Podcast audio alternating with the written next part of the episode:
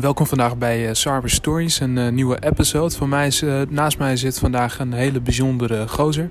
Hij is kort geleden benoemd tot virtuoze leraar van het jaar. En hij gaat ons zo meteen vertellen wat dat allemaal inhoudt. naast mij zit namelijk niemand minder dan Emin Xesi. Emin, van harte welkom. Hey Saber, goeiedag. Leuk dat ik ben. Hoe is het met je? Ja, gaat goed. Het gaat echt, echt goed. drukke tijden, maar het onderwijs blijft leuk, blijft bijzonder. En ja, als je je hart zeg maar, op de juiste plek hebt en je probeert een impact te maken bij de jongeren en de omgeving, dan zal Nederlands onderwijs beter worden. Maar ja, je kan niet alleen doen, dus je hebt wel mensen nodig. Dus ik probeer dag en nacht daar voor me in te zetten. Ja, en dat inzetten, hoe doe je dat?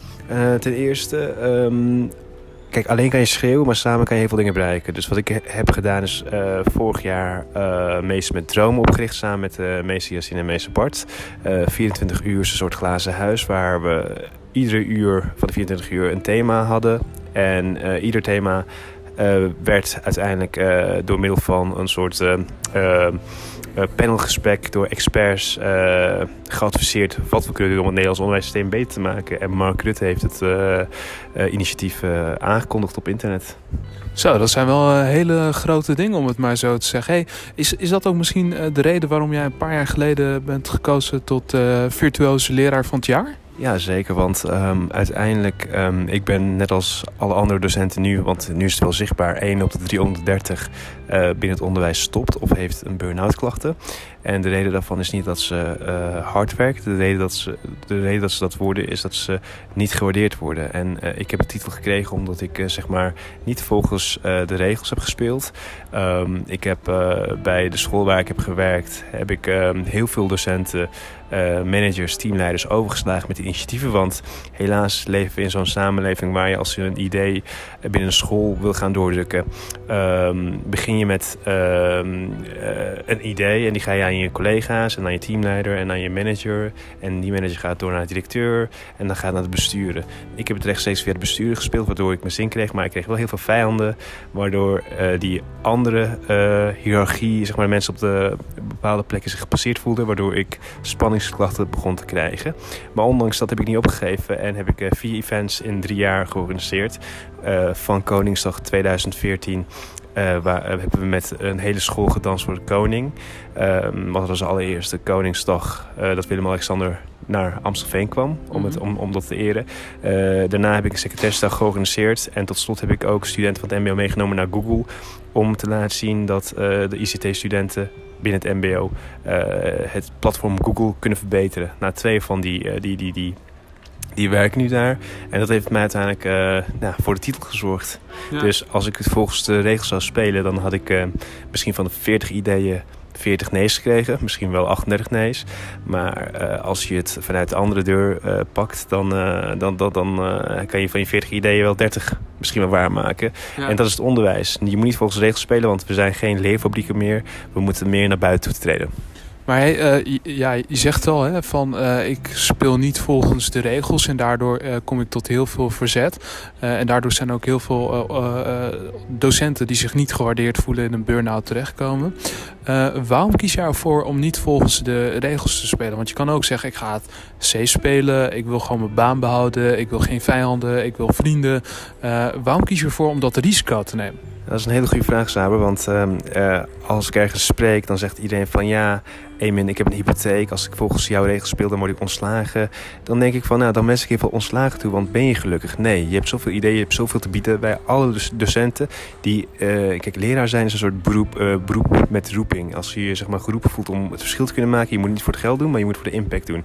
Alles wat binnen de muren van jouw klas gebeuren, is uiteindelijk een soort mini-maatschappij, wat vier à vijf jaar later zichtbaar wordt in de huidige maatschappij, toekomstige maatschappij.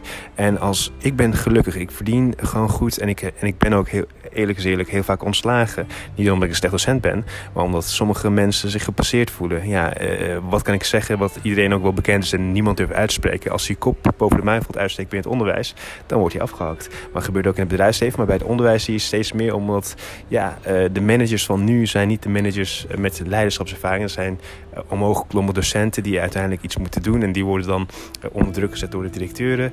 Waardoor er weinig vrijheid is. En die frustratie die kaatst terug naar docenten. Waardoor docenten niet de ruimte kunnen nemen. Ja, een goede docent heeft drie eigenschappen. Competentie, autonomie en relatie.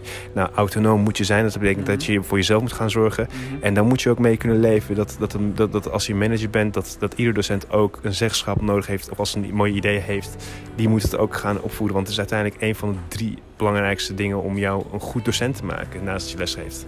Dus je zegt eigenlijk uh, willen, we, willen we ervoor zorgen dat er meer docenten uh, waardering krijgen. Mhm. Minder burn-out. Hebben ze gewoon simpelweg meer vrijheid nodig. Veel minder van die betuttelende regels. Begrijp ik dat goed? Ja, zeker. Kijk, um, vroeger had uh, leraar meer zeggenschap. Maar toen had je ook kleinere klassen.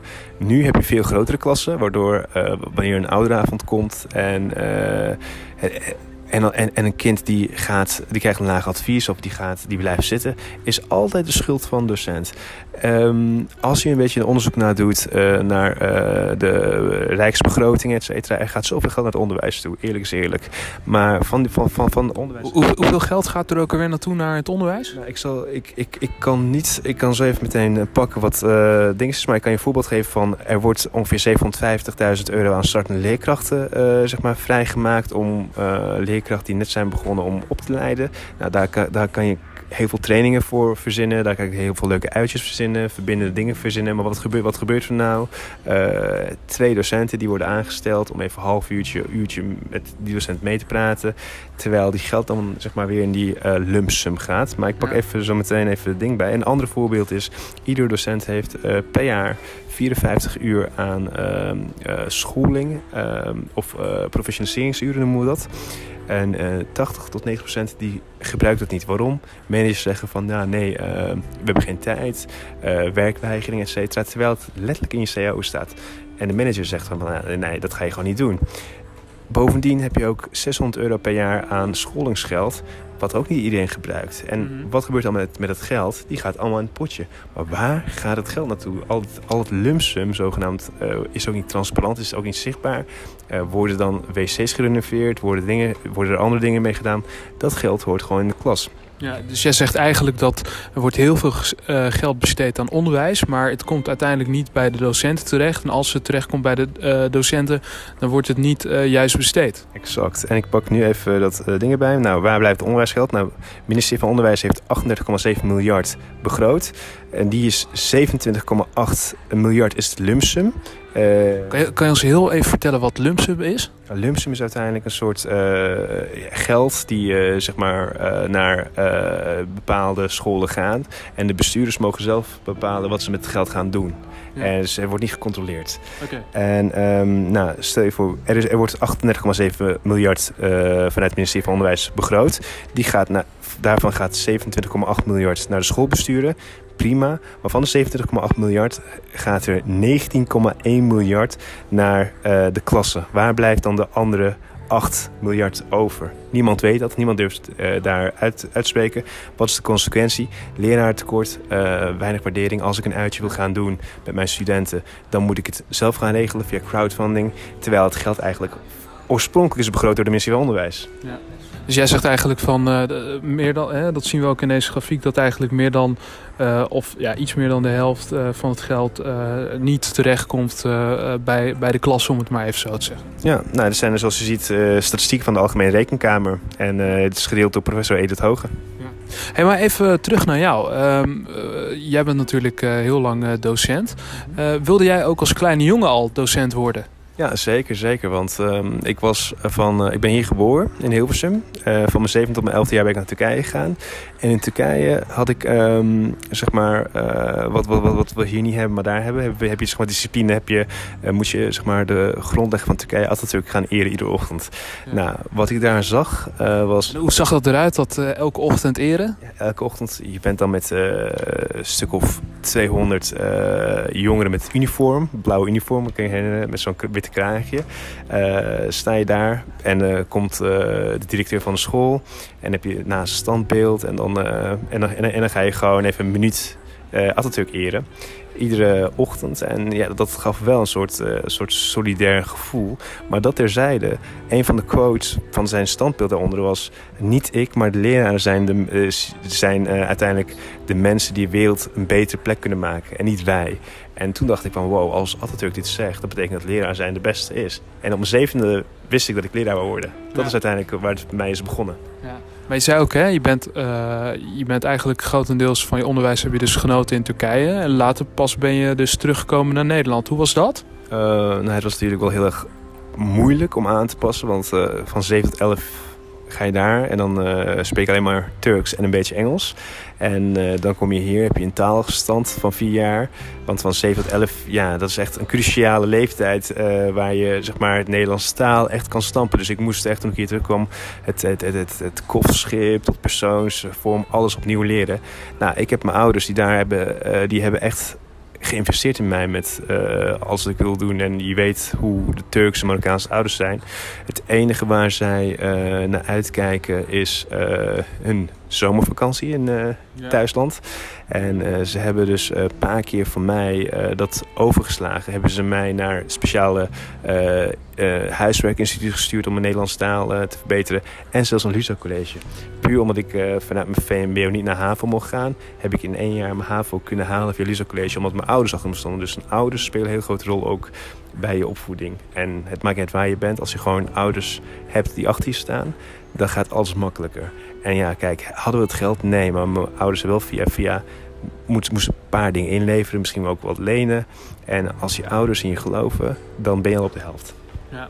Hey, uh, jij, jij komt heel vaak bij uh, MBO-studenten terecht. Dat is een groep waar heel veel over wordt uh, gezegd. en je hebt het nu over oudere betrokkenheid. Is dat ook iets... hoe kijk je daar tegenaan? Hoe, hoe zit dat nu in het onderwijs? Nou ja, binnen het MBO heb je natuurlijk na je achttiende ben je niet meer leerplichtig. Dus je hebt weinig met ouders te maken. En mijn advies is, als ze ouderbetrokkenheid moeten, uh, moet, zeg maar dat we dat centraal moeten stellen, moet, moet dat dan meteen bij basisscholen. Uh, de, de, de ouders uh, met een migratieachtergrond moeten van tevoren goed ingelicht worden als ze taalafstand hebben of niet begrijpen. Er moeten vanuit de gemeente allemaal soort talks of buddies gemaakt worden die wel zeg maar kunnen doen. Kijk, ik heb toen ik op mijn elfde hier kwam, uh, ik wou naar het HAVO gaan, maar door mijn Nederlandse taalachterstand heb, heeft de begeleider gezegd: nee, die moet gewoon naar het VMBO. Het, het, het, label, het, het, het label krijgen van uh, laag advies, onderadvies, dat is ja, een common sense aan het worden. En nog steeds hoor ik via via dat het nog speelt.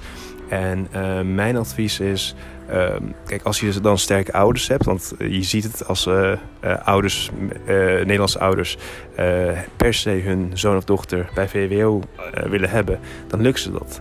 Kunnen ze ook seizoen komen met argumenten. Ook al heeft die zoon of dochter een HAVO-advies, kan, die, kan, kan hij of zij naar VWO. Maar bij, bij Turkse of een Marokkaanse of Surinaamse ouders niet. Ze, ze, ze denken de docent weet beter. En ze kunnen zich ook niet verdedigen, want uiteindelijk is de ouders de helft, meer dan de helft van hun kind, uh, wat ze kunnen vertellen om uiteindelijk uh, zich max optimaal te kunnen profileren in de maatschappij. Want iemand van 11 jaar kan niet uh, zeg maar altijd op de juiste plek komen.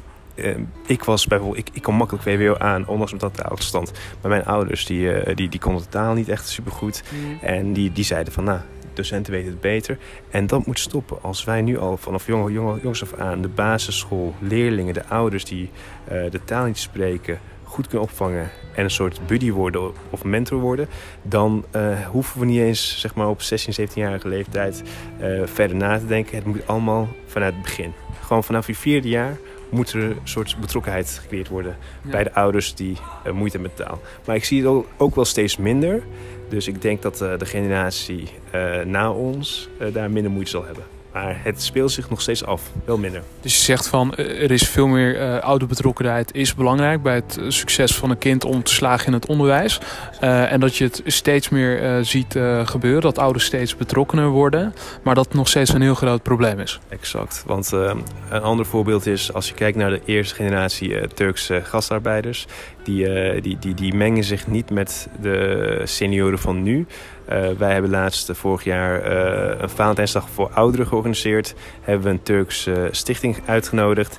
En het klik was opeens van... Hey, de Turkse eerste generatie ouders die echt moeilijk Nederlands kunnen... die gingen wel met senioren van Nederlandse senioren om. En dat was zo mooi om te zien, Saber.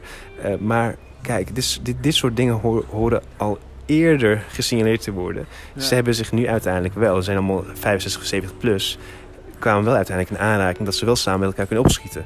Ja. En dat moet ook, en, en, dat moet dus ook nu uh, al van de jongens af aan geprikkeld worden. Of je bij zwarte school of witte school bent, uh, maakt niet uit. Uh, je hebt kansen hier in Nederland, maar wel dat, dat de zwarte en de witte scholen van jongens af aan ook paar keer per jaar bij elkaar komen. En uiteindelijk als zij uh, ouder worden, dat ze via een middelbare school of een stageplek elkaar kunnen herkennen van hé, hey, we hebben op basisschool gezeten, et cetera. Dat het niet meteen een taboe moet worden van wow, ik ken jou niet, et cetera. Dus er moet al een soort collectieve samenhorigheid uh, geprikkeld worden vanuit uh, gemeenten, vanuit de docenten, vanuit de buurtbewoners.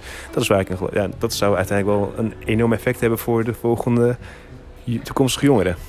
Want, want, jij vindt eigenlijk dat momenteel, uh, hè, dat voorbeeld dat je eigenlijk gaf van die Turkse ouderen, daarvan zei van nou ja, uh, die hebben elkaar pas op latere leeftijd ontmoet. En tegenwoordig hebben we zwarte en wit scholen, waardoor jongeren elkaar uh, minder ontmoeten, niet zo goed ontmoeten. En dat zou eigenlijk wel moeten gebeuren. Maar ja, hoe ga je dat veranderen? Nou ja, uh, ten eerste, uh, je hebt uh, vrijheid van onderwijs. Dus ik kan niet zeggen van als ik zeg maar in de buurt woon van een zwarte school... dat mijn kind dan naar zwarte school moet.